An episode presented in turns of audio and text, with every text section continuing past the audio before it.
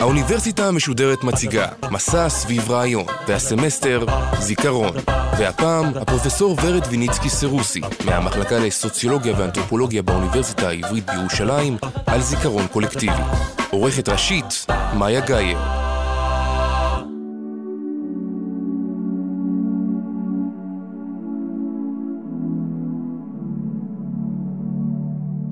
שלום, שמי פרופסור ורד ויניצקי סרוסי, ואני מלמדת במחלקה לסוציולוגיה ואנתרופולוגיה באוניברסיטה העברית בירושלים. הנושא של זיכרון קולקטיבי נמצא בלב העבודה המחקרית שלי כבר הרבה שנים. בעיקר מעניין אותי איך חברות מתמודדות עם עבר בעייתי, עבר שהוא קשה להן, עבר שנוגע בדילמות מוסריות, עבר שהן היו מעדיפות לו לא אירע בכלל. בהרצאה שלי היום אעסוק בשאלה כיצד בונים זיכרון ואיך מתחזקים אותו. כי זיכרון קולקטיבי, קצת כמו חיי נישואים, אם הוא לא מתוחזק, אז הוא דוהה. אבל לפני שאפנה למימדים המרכיבים את הזיכרון הקולקטיבי, אני רוצה לומר כמה דברים כלליים על זיכרון בהקשר החברתי. כשאומרים את המילה זיכרון, אנחנו חושבים מיד על הזיכרון האישי שלנו. את מי אנחנו זוכרים, כמה אנחנו זוכרים, והכי גרוע, מה יקרה כשנתחיל לשכוח. הזיכרון האישי שלנו מאוים על ידי דימנציה ועוד כל מיני חורים שחורים ומפחידים.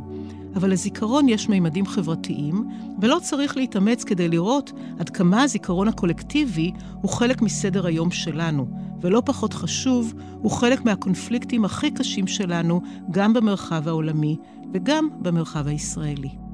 תפתחו כל פלטפורמה תקשורתית השבוע, ותמצאו לפחות עניין אחד שמסעיר את הציבור והוא כולו כולו סביב זיכרון קולקטיבי. בשבוע שבו אני כותבת את ההרצאה שלכם, אנחנו מציינים את יום הזיכרון לרצח ראש הממשלה יצחק רבין.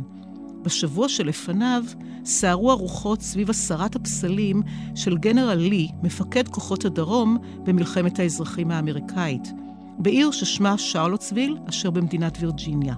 הרוחות לא סתם סערו, אלא בסיומה של הפגנה איבדה את חיי האישה צעירה. בשבוע שבו אני מקליטה את ההרצאה, ביומן הבוקר דווח על ויכוח האם ראוי לקרוא לצוללת חדשה של חיל הים על שם הצוללת דקר, שירדה למצולות בנסיבות שעד היום לא נודעו וכנראה לעולם לא נדע. זכור, כציווי, חוזר בתנ"ך לא מעט פעמים. מי זכור את יום השבת לקודשו, זכור את אשר עשה לך עמלק. תחשבו לרגע על ליל הסדר ועל איך בונים זיכרון של עם לכל המשפחה. ערב שלם עם שירה וסיפורים וטעמים, מתוקים ומרים ומשחקים, כל החושים אם תרצו. כי בכל דור ודור צריך אדם לחוש כאילו הוא יצא ממצרים. כאילו הוא יצא, כאילו הוא יצא ממצרים. אנשי דת ופוליטיקאים הבינו כבר מזמן את כוחו של העבר כמחזק סולידריות חברתית וכמניע פעולה. משוררים, סופרים, אנשי רוח, פילוסופים, לאורך אלף שנה ויותר, דיברו על מורכבות הזיכרון, תהו על המסתוריות שלו והיללו את חשיבותו. נכון שכשאנחנו מסתכלים סביבנו, אז נדמה לנו שהעת הזו עמוסה לעייפה בעיסוק בעבר. מוזיאונים היסטוריים נפתחים חדשות לבקרים. אנדרטאות עומדות במרכז סדר היום הציבורי, ועוד ועוד. רק בחודשים האחרונים, ורק בירושלים, נפתחו שני מרחבי הנצחה חדשים. ביתו של ראש הממשלה לוי אשכול בשדרות בן מימון, והיכל ההנצחה המרכזי לחללי צה"ל בכניסה לבית הקברות הצבאי בהר הרצל. אבל העניין שלנו בזיכרון ובעבר הוא לא חדש, והוא כנראה לא אופנה בת חלוף, והוא לא קיים רק בגלל השואה, אם כי אין ספק שהשואה תרמה לשיח על הזיכרון הקולקטיבי ולדיון באופני ההנצחה. זיכרון קולקטיבי הוא חלק מתהליך ארוך, מורכב ורציני, ולצערי לא נוכל להרחיב בו בהרצאה זו. יחד עם זאת, אני רוצה להתעכב בכל זאת על שתי תקופות שמהוות תקופות של שיא בהקשר של זיכרון קולקטיבי ומופעיו בזירה הציבורית. התקופה הראשונה מעוגנת בסוף המאה ה-19 ובעליית הלאומיות. בין אם רוצים להראות את העליונות של מדינה אחת על פני חברותיה, ובין אם רוצים להראות את המיוחדות של מדינה מסוימת, ולפיכך רוצים להציג לראווה את הזהות המיוחדת שלה, שאין בלתה ואין אחרת, מדינות הלאום בסוף המאה ה-19 הביעו עניין חסר תקדים בעבר.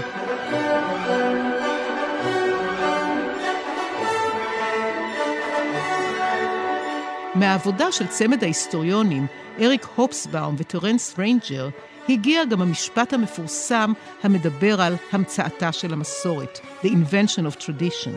השניים הראו כיצד מדינות אירופאיות בעשור שלפני מלחמת העולם הראשונה רצו לארגן מחדש את הלגיטימיות שהן איבדו כשהמלוכה מאבדת מכוחה וכשעולה הדמוקרטיה. המדינות ביקשו לבסס את הלגיטימיות שלהן באמצעות הצגת יציבות והמשכיות היסטורית למוסדות שלהם ולפרקטיקות שלהם. זה לא שמנהיגים לא עשו את אותו דבר גם קודם לכן, אבל המנהיגים האלה, ערב מלחמת העולם הראשונה, עושים זאת בהתלהבות ועם כלים חדשים כמו מדע ההיסטוריה. צריך לזכור גם שבסוף המאה ה-19 מדינות הלאום מעלות את הדרישות שלהן למחויבות מהאזרחים שלהן. הן גם מבקשות שהאזרחים ישלמו מיסים, והן גם מבקשות מהאזרחים שיתגייסו לצבאן ושישלמו בחייהם. הזיכרון הקולקטיבי משמש כחומר עבור הלהיטות הלאומית, למשל במקרה שלנו הזיכרון של מצדה, וההיסטוריה משמשת כמעין יועץ על לכל הפרויקטים האלה. גם בסוף המאה ה-20 אנחנו רואים עניין רב בעבר. אבל הוא מעט שונה. בעקבות ירידת האוטופיות, החלומות, התוכניות, ולנוכח האסונות שגרמה הקדמה והמודרנה, פונות מדינות הלאום אל העבר כדי לחפש לגיטימציה. במקום המבט שהיה מופנה כלפי העתיד ותוכניותיו, הוא מופנה לעבר הקולקטיבי ששימש כמיכל לשאיפות של זהויות שנדחקו לשוליים, סיפורים קורבניים וכל מיני תביעות שלא מולאו וחלומות שלא התגשמו. עם עלייתן של קבוצות חדשות, עם אובדן השאיפות המשותפות, עם השמעתם של קולות שנדחקו, פרחה לה פוליטיקת זהויות. ולא פעם הפוליטיקה הזו שימשה כר פורה למכאובים וכעסים שונים מן העבר. למה הפלו אותנו? למה לא זכרו אותנו? למה למשל הסבל שלנו אין ייצוג במו"ל בוושינגטון, שהוא הלב הוויזואלי של האומה האמריקאית? במילים אחרות, הבום של הזיכרון, כך טוענים לא מעט חוקרים, שחרר לאוויר העולם החברתי והפוליטי תרבות של טראומה, שבה לעיתים קבוצות מתחרות קצת מי יותר מסכן. הוא שחרר לאוויר העולם גם חרטה ושאלה של מי מתנצל, ומדינות נשפטות כיום על עד כמה הן נענות ומטפלות בכל מיני חטאים מן העבר, במקום להישפט על עד כמה הן מטפלות באזרחיהן החיים ובפרויקטים שפניהם קדימה. בספירה המסחרית, העניין בעבר קיבל ביטוי במסחור הנוסטלגיה, בפופולריזציה של ההיסטוריה ובעניין רב בזיכרון פרטי וחברתי. חיפושי שורשים למיניהם, שיבה למחוזות ילדות, לבד, או בליווי של בני משפחה, פגישות מחזור ועוד. גם אם חלק ממה שקורה בתחום הוא באמת טרנד אופנתי, בתוך הסיפור של עליית החשיבות של הזיכרון הקולקטיבי, יש עוד גורמים חשובים, כמו עליית העיתונות, התפתחות המדיה, הקולנוע, המהפכה הדיגיטלית, שכולם השפיעו קודם כל על דרכי העברה של הזיכרון החברתי. לא דומה חברה המעבירה את סיפור העבר שלה כתורה שבעל פה, מדור לדור ליד המדורה, לחברה עם דפוס ועם צילום ועם יכולת שימור ידע בארכיונים. אז איך בונים זיכרון קולקטיבי? קודם כל חשוב לזכור שלא כל אירוע או אדם יזכה להנצחה. רוב האירועים, כמו רוב האנשים, נידונו לתהום הנשייה. רק אירועים בודדים ורק אנשים בודדים זוכים, לטוב ולרע, להיות מועלים מהכרוניקה ולהפוך לחלק מהזיכרון הקולקטיבי באמצעות הנצחה. מתוך שישה מיליון יהודים שנספו בשואה, יש שמות בודדים שהעולם זוכר, שהראשונה בהם היא כמובן אנה פרנק. מבין אה, מיליוני הילדים היהודים שנרצחו בשואה, זוכר העולם בעיקר את אנה פרנק, הנערה מהולנד, אה, בזכות היומן שחיברה בימי המלחמה. שמה מוכר ונלקח היום לכיוונים רבים, שחלקם אולי לא רצויים, אבל זה דיון אחר. משלל קרבות במלחמה כלשהי, כי כל מלחמה מורכבת מהרבה קרבות, יהיה רק קרב אחד או שניים שיונצחו וייזכרו מעבר ללוחמים שהיו בו. בהינתן שיש הרבה אירועים ואנשים שהם טובים ורעים ובעיקר חשובים, כאלה שמצדיקים יום זיכרון, והקמת מוזיאון, וכתיבת ספר, ומערכת חינוך שתתייחס, וחיילים וחיילות שילמדו, ותגלית שתגלה, ותיירים שיתעניינו, נשאלת השאלה, מה נדרש כדי שיהיה לנו זיכרון חברתי? או מה יכול להבטיח שאירוע או אדם מסוים יישארו בזיכרון מעבר לסיפור שלהם?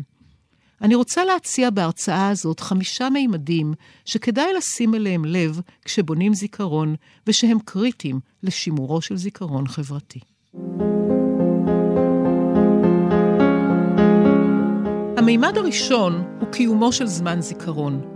הכנסת אירוע ללוח השנה הרשמי של המדינה מעידה על החשיבות והמרכזיות של העבר, כמו גם על כוחם של סוכני הזיכרון בהטמעת יום שכזה. ימי זיכרון הם גם מחווה למתים, הם גם שיתוף בזמן שיכול לאחד, גם אם רגעית, קולקטיבים מפוצלים, כמו גם חינוך לאזרחי המדינה בהווה ובעיקר בעתיד. מה למשל המשמעות של טקס בבית ספר? מה זה אומר אם צריך לשלוח ילד שנזכר ברגע האחרון, בערב שלפני יום הזיכרון, שהוא צריך חולצה לבנה לבית הספר? זו הזדמנות לשיחה על העבר בתוך הבית. בישראל יש מספר ימי זיכרון שעוגנו בחוק. שניים המרכזיים שבהם הם לקולקטיב, יום הזיכרון לחללי צה"ל וקורבנות הטרור, ויום הזיכרון לשואה ולגבורה. יש גם ימי זיכרון שהם לפרטים, כמו למשל יום הזיכרון ליצחק רבין, או יום הזיכרון למנחם בגין. המימד השני הוא מקום הזיכרון. האם יש מקום שמזוהה עם האיש או עם האירוע? למשל, אנדרטת האריה השואג בתל חי דוגמה טובה, כמו גם מוזיאון יד ושם, כאתר המרכזי והמובהק לזיכרון השואה. רבים מהמאזינים ומהמאזינות שהיו בוושינגטון ודאי זוכרים את מרחב ההנצחה הענקי במרכזה של הבירה, המו"ל, ובו האנדרטה לזכר המלחמה בווייטנאם, שמורכבת מקיר שחור עם שמות החללים, משני פסלים, האחד של שלושה חיילים, והשני סוג של פייטה שמנציח את תרומת הנשים במלחמה. ויש גם שלט. אז כאשר האמריקאים רוצים לזכור את וייטנאם, הם חולקים את אותו מרחב הנצחה בוושינגטון, בין אם הם תמכו במלחמה או בין אם הם התנגדו לה. בהקשר הזה כדאי לשאול האם העבר מונצח באמצעות חלל אחד, או מתפצל ומתחלק על פני מספר חללים. בן גוריון מונצח בישראל בכמה מקומות. קודם כל יש את ההנצחה אולי הכי בנאלית, אבל הכי מדוברת, וזה שדה התעופה, ויש כמובן שמות של רחובות. בן גוריון גם מונצח בשני בתיו, המוכר פחות בתל אביב והמבוקר יותר בשדה בוקר. שאלה שלישית בהקשר הזה היא האם כל אחד מהחללים המנציחים מספר סיפור אחר ומופנה לקולקטיב אחר. רצח רבין מונצח בשני מקומות המכוונים לקהלים שונים. האנדרטה בתל אביב עם המסר הפוליטי, וחלקת הקבר בירושלים המציינת את מותו של ראש הממשלה. קיומו של מקום מובחן המזוהה עם האיש או האירוע מאפשר לאנשים לבוא אליו, להתכנס, למצוא משהו משותף, להזדהות, לפעמים אפילו להביע מחאה. כשבוחרים מקום, עדיף שהוא יהיה מרכזי, ובעיקר שהוא יהיה על מפת הטיולים של משרד החינוך והצבא, כי זה מבטיח הרבה מבקרים לאורך שנים. אבל אם שואלים אותי מה לבחור, מקום זיכרון או זמן זיכרון, אז הייתי אומרת שצריך להעדיף את קיומו של יום זיכרון.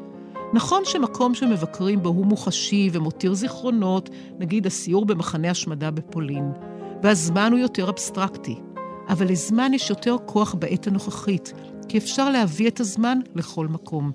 יקר להגיע לתל חי.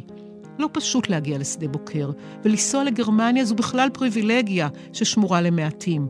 אבל את זמן הזיכרון, את יום הזיכרון, אפשר להביא לכל מקום בארץ. המימד השלישי הוא מימד סוכני הזיכרון. מאחורי כל עבודת זיכרון, הקמת אנדרטה, פתיחת מוזיאון, הכנת טקס, חקיקת זיכרון, עומדים סוכני הזיכרון. סוכני זיכרון הם אנשים שמעצבים, מארגנים ומשמרים את הזיכרון הקולקטיבי. אין זיכרון קולקטיבי בלי סוכנים. הסוכנים יכולים לבוא מקשת של מקצועות ותחומים. הם יכולים להיות ארכיטקטים, סופרות, מעצבות, עיתונאים, במאי סרטים וכמובן שרות חינוך וראשות ממשלה. נחישות מאפיינת את כל סוכני הזיכרון, אבל לא לכולם יש את אותה העוצמה. ואופי ההנצחה תלוי במידה רבה בכוח של אלו אשר עושים זיכרון. יש סוכנים עם הון פוליטי, כלכלי, תרבותי, חברתי וסימבולי לא מבוטל, ויש אחרים שיש להם אולי סיפור מצוין, אבל הם סובלים מהיעדר הכוח להוציא את הסיפור למרחב הציבורי. סוכני הזיכרון של רבין ושל הרצח, וזה לא תמיד אותו הדבר, הם אולי דוגמה טובה ביותר לנושא הזה. בנסיבות כאלה, לא רק שיש סיכוי שתקום ותתקיים הנצחה, אלא יכולה אפילו להיות מפוצלת, גם בתל אביב וגם בירושלים, גם בטקסים רשמיים של המדינה וגם בעצרות המוניות בכיכר. המקרה של אולם העצמאות בתל אביב, המקום שאירח את ההכרזה של הקמתה של מדינת ישראל, שעכשיו עובר שיפוצים וכנראה שינוי, הוא מרתק בהקשר ההפוך. כי אנחנו תוהים מדוע האתר נזנח לאורך עשרות שנים, ומי יכול היה להיות סוכן הזיכרון שלו, ולא היה. אבל גם קיומם של סוכני זיכרון אפקטיביים הוא לא מספיק אם אין מיסוד של הזיכרון, והנה אני עוברת למימד הרביעי. שימור זיכרון ללא מצע ממוסד זו משימה כמעט בלתי אפשרית. שימורו של זיכרון כרוך, אם כן, במיסודו בדרך זו או אחרת. ימי זיכרון המקובעים בחוק ומחייבים את מוסדות המדינה להתייחס לתוכן מסוים, טקסים ממלכתיים המחייבים את הנהגת המדינה ומשודרים בכל הרשתות, וספרי לימוד הם רק שלוש דוגמאות ממגוון של אפשרויות לשימור העבר באופן ממוסד שבלעדיו קשה לשמר את הזיכרון. מוזיאונים היסטוריים ותמטיים הם חלק בלתי נפרד מהמיסוד של הזיכרון, ובפועל חלק ניכר מהמאבקים בין קבוצות על הזיכרון במרחב הציבורי הוא בדיוק סביב המוזיאונים, כי יש אמונה שהמוזיאונים זה משאב קריטי לשימור נרטיב כזה או אחר. המאבק על מוזיאונים בא מהמקום שבו יש אמונה שהמוזיאונים אכן גם עושים את העבודה. אבל מסתבר שלא מספיק שיהיה מוזיאון אם הוא עצמו סובל מנכות מוסדית וממסדית. במילים אחרות, ללא משאב ממוסד רציני, כמו משרד הביטחון, שאחראי ללא מעט מוזיאונים היסטוריים בישראל, או תורם כבד במיוחד, הסיכוי של מוזיאון לשמר את הנרטיב שלו לא מאוד גדול. הנקודה הזאת במיוחד קריטית בעידן שבו כל מוזיאון חדש שנפתח הוא טכנולוגית מאוד מרשים ומאוד מושקע, ואנחנו מדברים על השקעות עצומות. תראו את הפירוטכניקה בבית מורשת בגין, בבית הפלמ"ח, וכאלה נפתחים כל הזמן, כל שנה, בכל מקום בעולם. מוזיאונים היסטוריים הפכו ללהיט. הדוגמאות האחרונות בתחום הזה הן המוזיאון לתולדות יהדות פולין בוורשה ומוזיאון ההיסטוריה והתרבות של השחורים האמריקאים בוושינגטון. וכך, התחרות כיום היא כבר לא רק על התוכן שיסופר במוזיאון, אלא על תשומת הלב של הצופים המגורים ברמות גבוהות, ושמירת תשומת הלב של הצופים היא עניין שיש בו מרכיב רציני של ממון. דיברנו על זמן ועל מקום ועל סוכני הזיכרון והמיסוד, ועכשיו נותר לנו המימד החמישי, והוא תוכנו של הזיכרון. ותוכנו של הזיכרון נעוץ ומגולם בתרבות של החברה המנציחה. שעה שאף חברה לא מתאפיינת בתמה אחת ויחידה, לכל חברה נתונה, בוודאי בזמן נתון, יש תכנים שיש יותר סיכוי שתהיה להם נגישות למרחב הציבורי מתכנים אחרים. יש להם, בלשונה של הסוציולוגית האמריקאית רובין וגנר פצ'יפיצ'י, better fit. יש להם התאמה טובה יותר. אולם העצמאות, המקום שבו הוכרזה מדינת ישראל למשל, מעביר, מהדהד, משדר זיכרון משקר, רגע של שגב אמיתי, רגע חילוני מאוד ואזרחי מאוד. הכרזה על ריבונות לאומית שחיכו לה אלפיים שנה במקום שנחשב מולדת ששבו אליה. ואכן לאזרחי המדינה היהודים, הקמת המדינה הייתה ונותרה האירוע החשוב ביותר. אנחנו רואים את חשיבות האירוע לאורך שנים במחקר שערכתי עם שני חוקרים אמריקאים, האוורד שומן ואמירם וינוקור, על מה ישראלים יהודים מציינים כאירוע שחשוב להם במיוחד, והקמת המדינה חוזרת כתשובה הראשונה שלהם שוב ושוב. אבל התמה של אולם העצמאות, ואני אומרת את זה בזהירות, כי אולם העצמאות עומד עכשיו במהלך של שיפוץ מאוד גדול, ואני כחוקרת זיכרון ממתינה לראות מה יעלה מן המרחב המרתק הזה עם תום השיפוץ. ואולי זה גם מה שקורה בבית בן גוריון בתל אביב, שכן הם עומדים המרחבים האלה בסתירה לאחד מהעקרונות המארגנים של החברה היהודית בישראל, והוא עקרון המוות וההנצחה. במילים אחרות, אף אחד לא מת בהיכל העצמאות. אף אחד גם לא מת בבית בן גוריון בתל אביב. ובשני הבתים האלה לא התחוללה מלחמה. ואולי זה לא מקרה שאחד הסיפורים המרכזיים שמסופר למבקרים בבית בן גוריון בתל אביב הוא סיפור החדר של רננה, בשביל הקיר שנבנה כדי להגן על בן גוריון שנאלץ, בשל חום גבוה ומחלה, לנהל מלחמה ב-1956 מאותו החדר, היא מלחמת קדש. אין זכר לחדר הבת שחיה בו, ושאותה החליף חדר מאוד צבאי עם אזכרות מהצבא וענייני מלחמה. ובגלל שהזיכרון הקולקטיבי הישראלי-יהודי והאתוס הישראלי-יהודי מקבלים את השראתם מהמוות ולא מהחיים, מהנצחת המוות ומפולחן הנופלים, ופחות מפולחן החיים ושמחת החיים, הרי שלא ברור כמה סיכוי יש למקומות שהם לא חלק מהזרם המרכזי הזה, להיות מקומות ביקור מרכזיים ולשמור על זיכרוני העבר.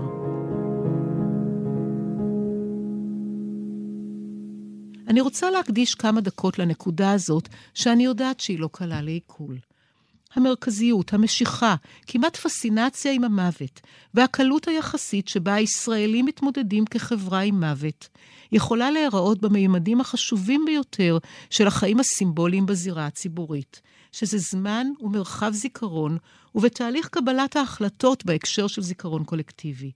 ואני חוזרת ברשותכם לנושא של זמן הזיכרון, שהוא אחד מחמשת המימדים שציינתי. מאז הקמתה של המדינה, כאשר הולאם לוח השנה היהודי והפך להיות לוח השנה של מדינת ישראל, הוסיפה המדינה מספר מצומצם של ימי חג ומועד. שלושה מהם הם ימי זיכרון מובהקים. יום הזיכרון לשואה ולגבורה, יום הזיכרון לחללי צה"ל ויום הזיכרון לרצח ראש הממשלה, יצחק רבין. בהמשך נוסף גם יום הזיכרון לרחבעם זאבי. יום נוסף וחשוב הוא כמובן יום העצמאות, שקשור בעבותות ליום הזיכרון, וכתאומים סיאמיים הם מגיחים ביחד שנה אחר שנה, ויוצרים שילוב מרתק ונדיר, שכורך בין שמחה ועצב, בין עצמאות ומכירה, בין המוות והחיים. מה שלא מאפשר לחגוג אף פעם את העצמאות במערכת החינוך, כי אין מתי, שכן ביום שלפני החג יש יום עצב, יום הזיכרון. מה המשמעות החברתית של היעדר יכולת לחגוג באופן הזה במערכת חינוכית שמאמינה כל כך בטקסים וסמלים כמו מערכת החינוך הישראלית? יום נוסף בלוח השנה הוא יום ירושלים.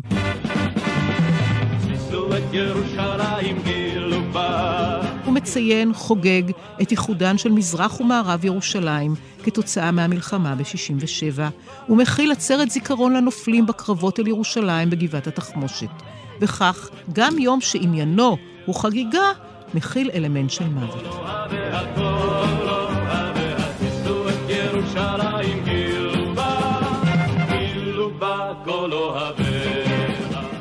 בארצות הברית, יום הזיכרון למנהיגים המתים, גם אם הם נרצחו כמו קנדי ולינקולן וקינג, ובוודאי אם הם סתם מתו כמו וושינגטון, מצוין תמיד ביום ההולדת שלהם או בסמוך לו. אף פעם לא ביום המוות או יום הרצח. ישראל הרשמית לא מציינת ימי הולדת, רק ימי מוות. בעבר היה לנו את יום האם בישראל, והיום הזה נקבע ביום מותה של הנריאטה סולד, אם עליית הנוער. דוגמה נוספת להעדפה התרבותית הזאת של מוות על פני החיים הוא בתהליך קבלת ההחלטות, או מדויק יותר, בהיעדרו של תהליך קבלת החלטות, ובמובן מאליו הישראלי, ואני מתכוונת להחלטה שהתקבלה לגבי קביעת יום הזיכרון לרצח ראש הממשלה. שעה שישראל נקראה סביב סיפור הרצח ושאלת ההנצחה, ועד עכשיו יש בעיה לא פשוטה בעניין, אף אחד, גם לא אלו שרצו לנתק את הקשר שבין רבין והרצח, לא הציע מעולם לציין את העניין בתאריך שהוא לא תאריך הרצח. איש לא הציע אלטרנטיבה, נגיד יום ההולדת של רבין. יכול להיות שזה יכול היה להבהיג קצת מהמתחים. זה קורה באמריקה, ואנחנו אוהבים לייבא מאמריקה. אפשר היה לחשוב על קרבות הראל, על היום שבו הוא הפך לרמטכ"ל, על היום שבו הצבא שהוא עמד בראשו כבש את ירושלים, חתם על הסכם השלום עם ירדן, על הבר מצווה שלו, משהו. אבל הנצחת המוות ולא החיים גוברת תמיד על כל שיקול, עולה על כל שסע פוליטי או כל זירת עימות אחרת בישראל. הצלחה וזיכרון זקוקים למרחב, והם זקוקים לזמן, והם זקוקים לסוכנים אפקטיביים, והם זקוקים למצע מוסדי, והם זקוקים לתוכן שמדבר לחברה שבה הם פועלים. מה שחשוב לי לומר לקראת סיום הוא שזיכרון קולקטיבי הוא לא דבר סטטי, הוא תהליכי והוא יכול להשתנות. מי שראה איך אברהם לינקולן, השנוי במחלוקת ביום הרצחו בשנת 1865, הופך לאב מאחד ואהוב של האומה האמריקאית ב-1914, ערב מלחמת העולם הראשונה, מבין שיכולים לחול שינויים. גם אם דבר לא השתנה בביוגרפיה של לינקולן. ואיך נשנה את הביוגרפיה של מי שכבר מת? אפשר לשנות הדגשים, אבל יש גבול למה שאפשר להמציא.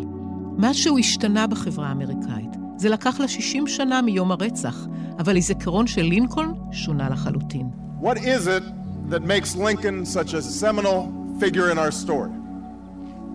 How is it that this man, a man given to depression and racked by self-doubt, might come to represent so much of who we are as a people and so much of what we aspire to be? התנועה הציונית גואלת משכחה את מצדה ואת הסיפור שלה אחרי אלפיים שנים, ומאותן סיבות קוברת לתקופה חיים גלותיים מפוארים. Together we've transformed a bludgeoned Jewish people, left for dead, into a vibrant, thriving nation, defending itself with the courage of modern Maccabees. In our time, the biblical prophecies are being realized. The people of Israel have come home never to be uprooted again. כל מי שעוקב אחרי התהליכים האלה מבין לא רק בחשיבות של בניית זיכרון לבינוי אומה ותיקון חברה, אלא גם מכיר בעובדה שדברים מהסוג הזה הם לא קבועים. גם זיכרון השואה השתנה באופן דרמטי בישראל משנות ה-50 ועד ימינו. החשיבות של זמן, מרחב, סוכן, מבנה ותרבות עניינם לא מעט בעובדה שהם יכולים להשתנות. תנאים חברתיים יכולים להשתנות, סוכני זיכרון יכולים לצבור כוח או לאבד אותו, מרחבים חברתיים יכולים להפוך לרלוונטיים או לאבד את הרלוונטיות שלהם ולא נשים אליהם לב כשאנחנו נוהגים. בניית זיכרון היא כמו מערכת יחסים חשובה. כל הזמן צריך להשקיע, כל הזמן צריך להיות עם האצבע על הדופק. אי אפשר לשלוט בכל, אבל אפשר להגביר את הסיכוי שעבר מסוים, שסיפור מסוים, שחשוב לנו, יקבל קול ותהודה ונוכחות, ובלבד שלא נשכח שלא להיות רק עבדי העבר, ושנזכור להיות עם הפנים להווה ולעתיד.